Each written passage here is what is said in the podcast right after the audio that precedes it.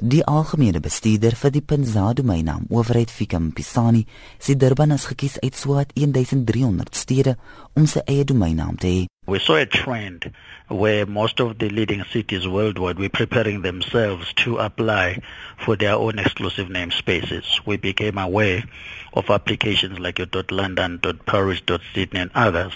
And we then consulted the Department of Communications here and then also the cities concerned, the city of Durban, Johannesburg and Cape Town.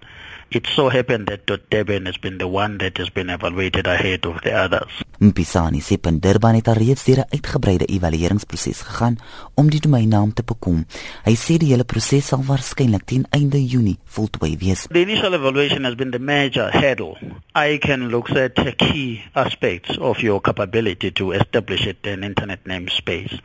So ICANN was looking at one, the financial part. You know, do we have the funds not just to launch .durban, but also to keep it sustainable and running over time? And they need to look at the technical aspect, your IT systems. Do you have the right systems? Are they up to the global standard?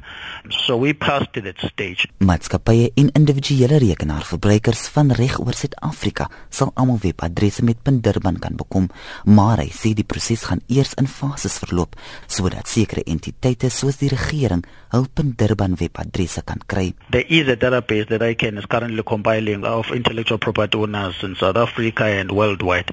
Once we launch Durban, they will have an opportunity first to protect their brands and register names first.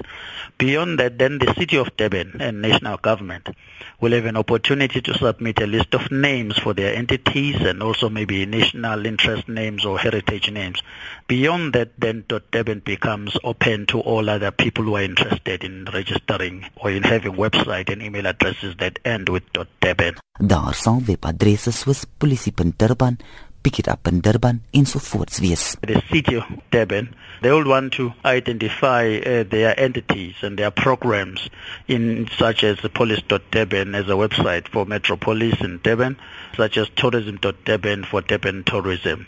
Once Durban is open to everybody else, then you'll see all sorts of different URLs. Expect your McDonald's.durban, your Telkom.durban, hotels.durban or guesthouse.durban. Mpisani sê Joburg Joburg Punt Cape Town se evalueringsproses sal hopelik teen Julie afgehandel word. Ek is Jean Esterhuizen in Johannesburg.